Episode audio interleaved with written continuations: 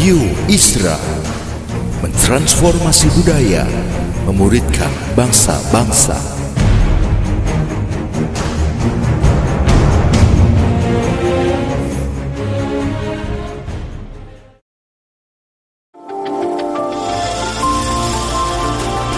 Voice of Pradaim menyuarakan paradigma kebenaran firman Tuhan yang esensi untuk memperlengkapi Anda menggenapi misi dan panggilan ilahi. Selamat mendengarkan.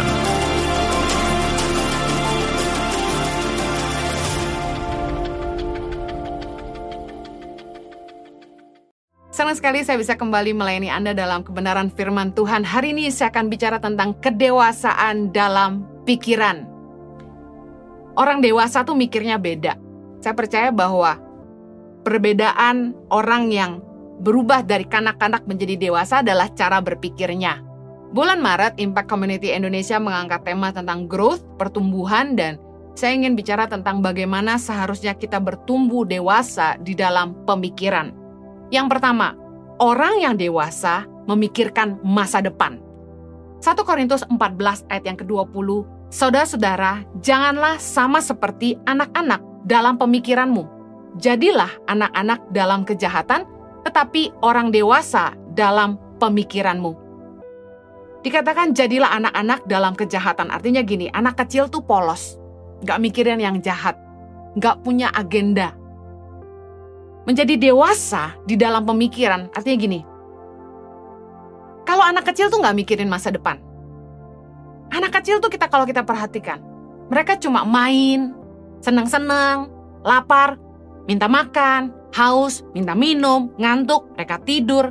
Kayaknya nggak mikirin masa depan, nggak nggak punya tanggung jawab apa-apa, nggak punya beban.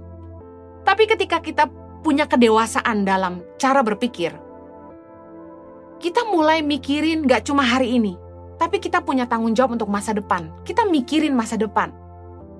Mulai menghitung waktu, mulai berpikir apa yang kita mau bangun 5, 10 tahun sampai 15 tahun bahkan 20 tahun mendatang. Mulai fokus membangun ke arah visi atau tujuan hidup kita. Kita punya target buat masa depan kita. Orang-orang mulai berpikir kapan mereka mau nikah, kapan mereka mau beli rumah. Orang yang dewasa mulai sungguh-sungguh kerja keras untuk membangun hidupnya. Dan kalau orang yang dewasa itu bukan cuma cari pacar, tapi mereka mulai cari calon istri atau calon suami. Bedanya kanak-kanak sama dewasa, cara pikirnya berbeda. Gak cuma cari kesenangan hari ini aja, tapi mereka mulai mikirin masa depan mereka. Orang yang dewasa itu menghitung waktu. Mazmur 90 ayat 12 berkata gini, Ajarlah kami menghitung hari-hari kami sedemikian, hingga kami beroleh hati yang bijaksana.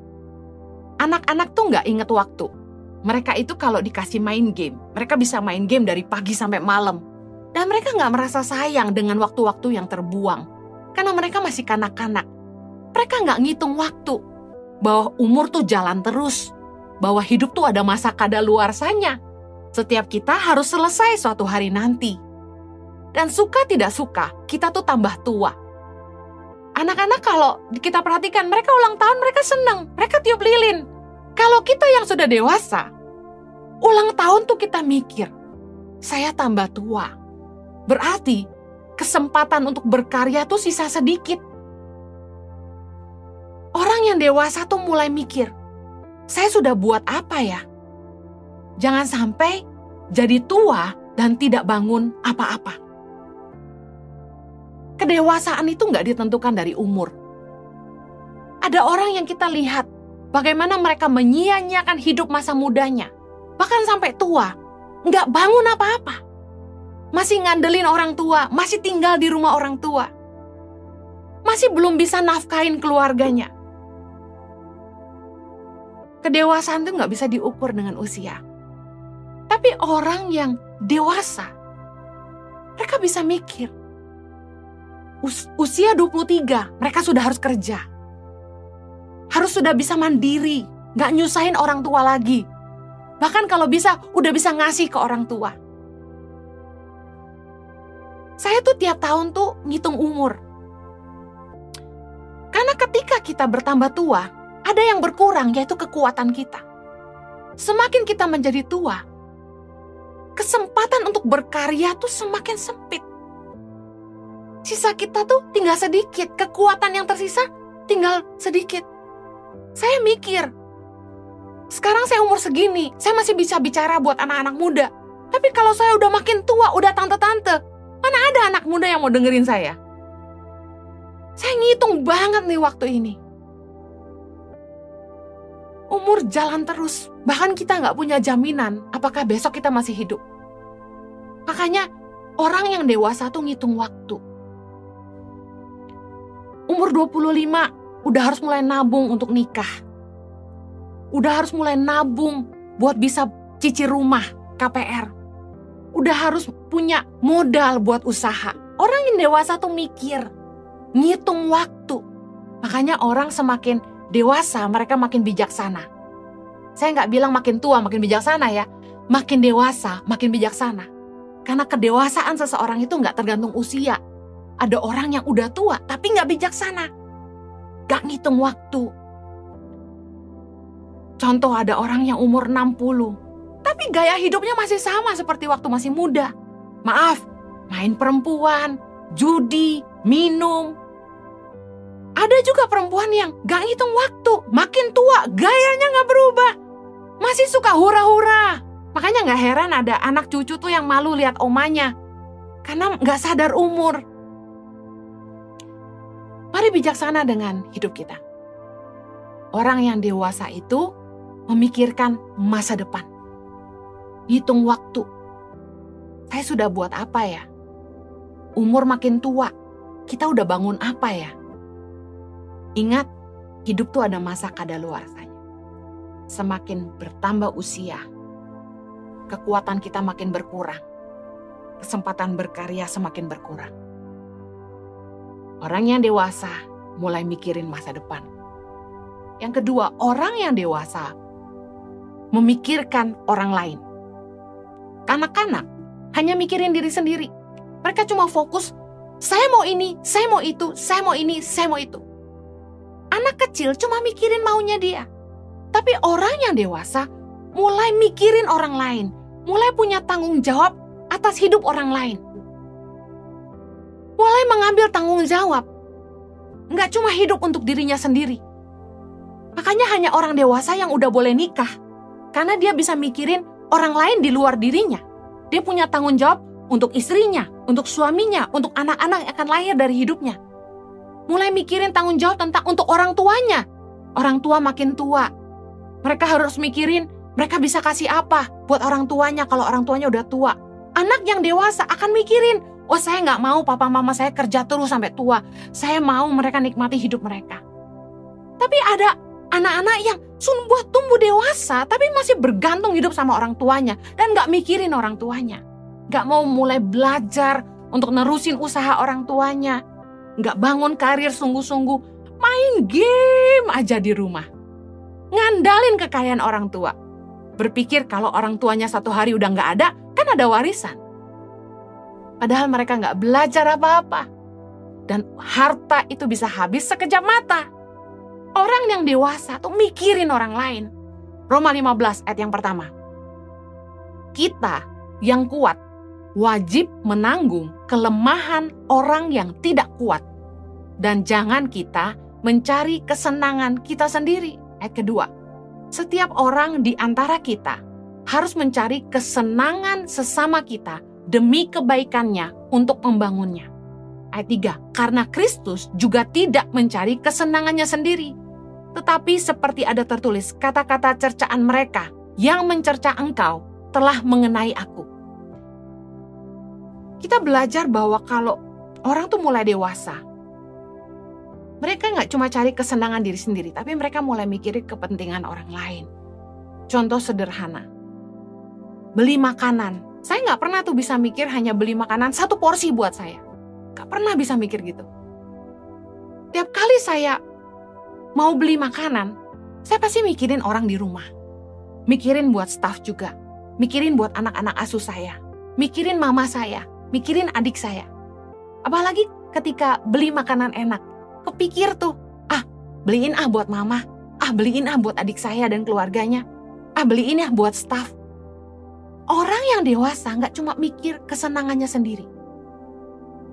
Ada film bagus aja di bioskop, kami langsung mikirin, ah traktir guru-guru pedalaman nonton deh, nonton rame-rame. Saya percaya orang yang dewasa itu mikirin orang lain. Berpikir bahwa tindakannya, bahwa hidupnya nggak boleh sembarangan. Bahwa apa pun yang dia lakukan itu bisa berdampak buat orang-orang di sekitarnya. Menyadari ada konsekuensi dari tindakan maupun perkataannya terhadap orang lain. Orang yang dewasa tuh mikir, hidupnya jadi berkat nggak ya? Atau malah jadi beban? Dia jadi teladan atau malah jadi batu sandungan? Kanak-kanak nggak mikir gitu. Mereka hidup seenaknya, mereka ngomong sembarangan. Mereka nggak mikir perasaan orang lain. Perhatikan anak kecil. Anak kecil itu kalau lihat apa ngomong. Satu kali anak-anak saya masih kecil banget, usia baru dua setengah tahun. Chloe dan Zoe satu hari ketemu dengan uh, salah satu orang tua dari staff saya dan mereka bilang gini, Mama, kok mamanya jelek ya? Saya kaget, kok anak kecil umur dua setengah tahun bisa ngomong kayak gitu. Saya bilang, eh gak boleh ngomong gitu. Karena saya khawatir mamahnya dengar. Saya bilang, kenapa kamu bilang begitu? Soalnya mamahnya kok tua banget katanya gitu. Jadi karena anak kecil tuh polos, mereka nggak mikir bahwa omongannya itu mungkin melukai gitu. Mereka ngomong spontanitas. Apa yang mereka lihat, apa yang ada di pikiran mereka, mereka cuma lontarkan tanpa niat jahat. Mereka mengambil kesimpulan kalau orang itu jadi tua, mereka jadi jelek. Sejak hari itu, anak-anak saya selalu doain saya awet muda. Anak-anak saya bilang gini, Mama nggak boleh jadi tua, Mama nggak boleh jadi tua. Karena dalam benak mereka, kalau orang tambah tua, nanti mereka nggak cantik lagi. Anak kecil mereka nggak mikir apakah perkataan mereka menyinggung. Perhatikan mereka akan datangi orang dan bilang gini, Om, om, om gendut ya.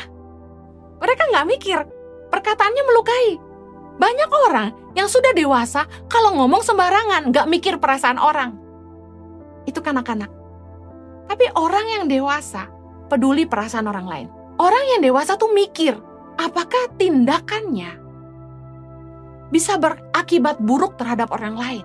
Tapi sedangkan kanak-kanak, mereka hidup seenaknya, mereka bertindak seenaknya. Perhatikan anak-anak yang tidak dewasa. Mereka pulang malam, larut malam. Mereka nggak mikir tuh orang tuanya khawatir nungguin di rumah. Mereka nggak belajar sungguh-sungguh. Mereka kuliah, fail terus, fail terus, fail terus. Mereka nggak mikir tuh orang tuanya kerja keras untuk kuliahin mereka. Orang yang gak dewasa tuh gak mikirin orang lain. Tapi anak yang dewasa, dia akan sekolah sungguh-sungguh. Dia akan kerja sungguh-sungguh karena dia mikirin orang tuanya. Dia mikirin akibat dari perbuatannya. Orang lain akan disusahkan. Ada orang yang hidup begitu sembarangan dan gak mikirin perasaan orang lain. Roma 14 ayat 12. Demikianlah setiap orang di antara kita akan memberi pertanggungan jawab tentang dirinya sendiri kepada Allah. Orang yang dewasa itu akan jaga hidupnya baik-baik. Memastikan dia bertindak hati-hati sesuai dengan firman Tuhan. Dia nggak cuma ngikutin nafsunya sendiri, dia nggak cuma mikirin keinginannya sendiri. Karena dia tahu bahwa suatu hari nanti setiap masing-masing kita harus mempertanggungjawabkan hidup kita kepada Allah. Roma 14 ayat 13. Karena itu janganlah kita saling menghakimi lagi. Tetapi lebih baik kamu menganut pandangan ini. Jangan kita membuat saudara kita jatuh atau tersandung. Seperti contoh tadi anak saya. Waktu ketika dia ngomong waktu kecil, dia nggak mikir apakah perkataan itu bisa menyinggung perasaan orang. Meskipun Perkataan itu tidak disampaikan secara langsung tapi dibisikkan ke saya. Orang yang dewasa akan mikirin, kalau saya ngomong gini orang lain tersandung nggak ya? Jangan sampai kita menghakimi orang dan akibatnya kita bikin orang tersandung. Berapa banyak orang yang kecewa dan akhirnya nggak mau ke gereja hanya karena pelayan Tuhan nggak jaga perkataan mereka, menghakimi. Urusan pakaian lah, urusan tato lah, urusan nikah berapa kali lah, yang kayak gitu diomongin. Kalau orang mulai nanya sama saya, Bu Heni, Bu Heni setuju nggak sih sama orang tato? Saya lebih baik gak banyak komentar, karena bagi saya, jiwanya jauh lebih berharga daripada kita ngurusin tatonya. Gak esensi banget. Anda lebih baik orang yang bertato itu datang ke gereja, cari Tuhan sungguh-sungguh, lalu mereka bertobat, mereka ikut Tuhan sungguh-sungguh, atau mereka nggak ke gereja gara-gara mereka takut diomongin soal tatonya. Firman Tuhan mengajar kita, jangan saling menghakimi lagi. Lebih baik kita menganut pandangan ini, jangan membuat orang tersandung. Jangan bikin orang lain jatuh. Kalau orang dewasa tuh mikir, jangan cuma ngomong seenak, merasa diri benar lalu menghakimi orang lain. Roma 14 ayat 15. Sebab jika engkau menyakiti hati saudaramu oleh karena sesuatu yang engkau makan, maka engkau tidak hidup lagi menurut tuntutan kasih. Janganlah engkau membinasakan saudaramu oleh karena makananmu, karena Kristus telah mati untuk dia. Kata-kata ini yang kita harus camkan. Karena Kristus telah mati untuk dia. Untuk dia siapa? Untuk orang-orang yang kita hakimi. Untuk orang-orang yang kita pikir nggak layak untuk datang ke rumah Tuhan. Dengan pakaian mereka. Dengan tato di tubuh mereka. Dengan kebiasaan merokok mereka mungkin Mungkin mereka simpanan orang. Mungkin mereka siapa di mata kita yang menurut kita tidak layak masuk ke rumah Tuhan. Dengar, Kristus telah mati buat mereka. Orang yang dewasa lebih fokus kepada keselamatan jiwa-jiwa daripada ngomongin soal pakaian dan kulit luar mereka. Mari, orang yang dewasa itu kita hidup dengan kasih. Bukan lagi dengan pendapat kita sendiri. Anak kecil tuh hidupnya sembarangan karena mereka nggak punya tanggung jawab, nggak mikirin orang lain. Anak kecil tuh polos, mereka akan katakan apa saja yang mereka pikirkan. Sedangkan orang dewasa akan mikirin perasaan orang lain. Anak kecil tuh bertindak sembarangan, ngikutin keinginan mereka. Lihat ada anak kecil bisa pukul papahnya atau pukul mamahnya kalau mereka menangis. Karena mereka cuma ngikutin keinginan mereka. Mereka ngambek, mereka nangis. Tapi orang dewasa akan memikirkan akibat dari tindakannya terhadap orang lain. Kedewasaan gak ditentukan oleh usia. Ada orang-orang yang secara umur harusnya sudah dewasa. Tapi mereka bisa hidup seenaknya, ngomong seenaknya, dan gak peduli kalau tindakannya itu merugikan orang lain. Orang yang dewasa dapat membedakan yang baik dan yang jahat. Ibrani 5 ayat 13. Sebab barang siapa masih memerlukan susu, ia tidak memahami ajaran tentang kebenaran. Sebab ia adalah anak kecil. Ayat 14. Tetapi makanan keras adalah untuk orang-orang dewasa yang karena mempunyai panca indera yang terlatih untuk membedakan yang baik daripada yang jahat. Orang yang dewasa itu punya panca indera yang terlatih, membedakan yang baik dan yang jahat. Orang yang dewasa itu ngerti kebenaran. Mereka akan ngerti, oh ini boleh, tidak boleh dilakukan. Tapi bayi-bayi rohani sering kali mencari pembenaran untuk hal-hal yang mereka sebenarnya tahu.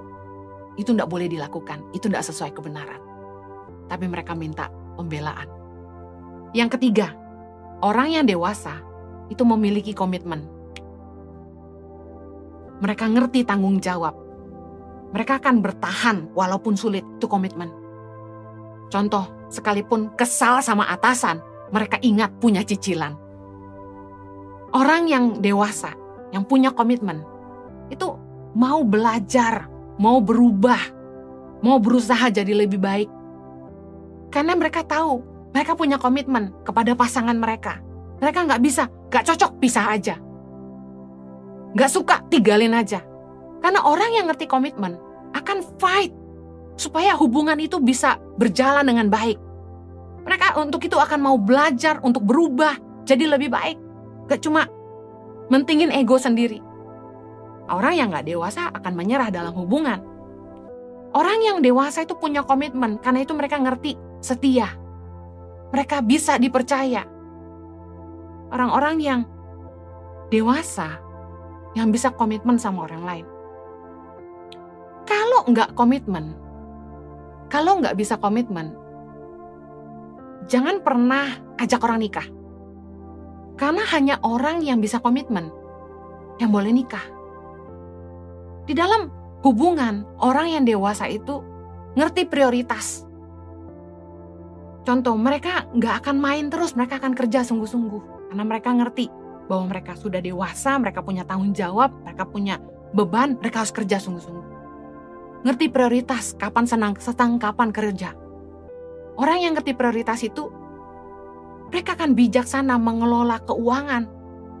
Karena ada yang jadi prioritas dalam hidup mereka.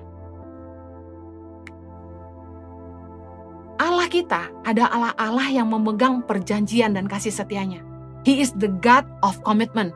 Ulangan 7 ayat 9 berkata gini, Sebab itu, haruslah kau ketahui bahwa Tuhan Allahmu, dialah Allah, Allah yang setia, yang memegang perjanjian dan kasih setianya terhadap orang yang kasih kepadanya dan berpegang pada perintahnya, sampai kepada beribu-ribu keturunan kita harus bersyukur kita punya Tuhan tuh yang komitmen banget sama janjinya.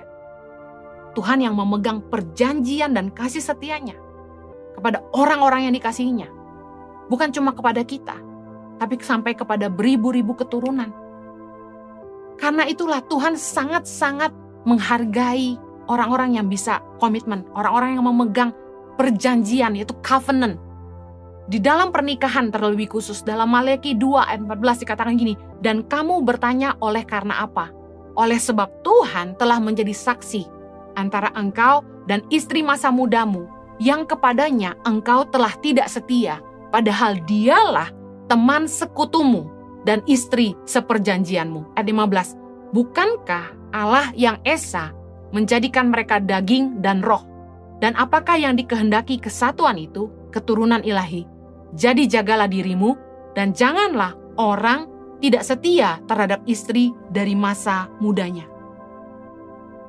Tuhan benci dengan perceraian.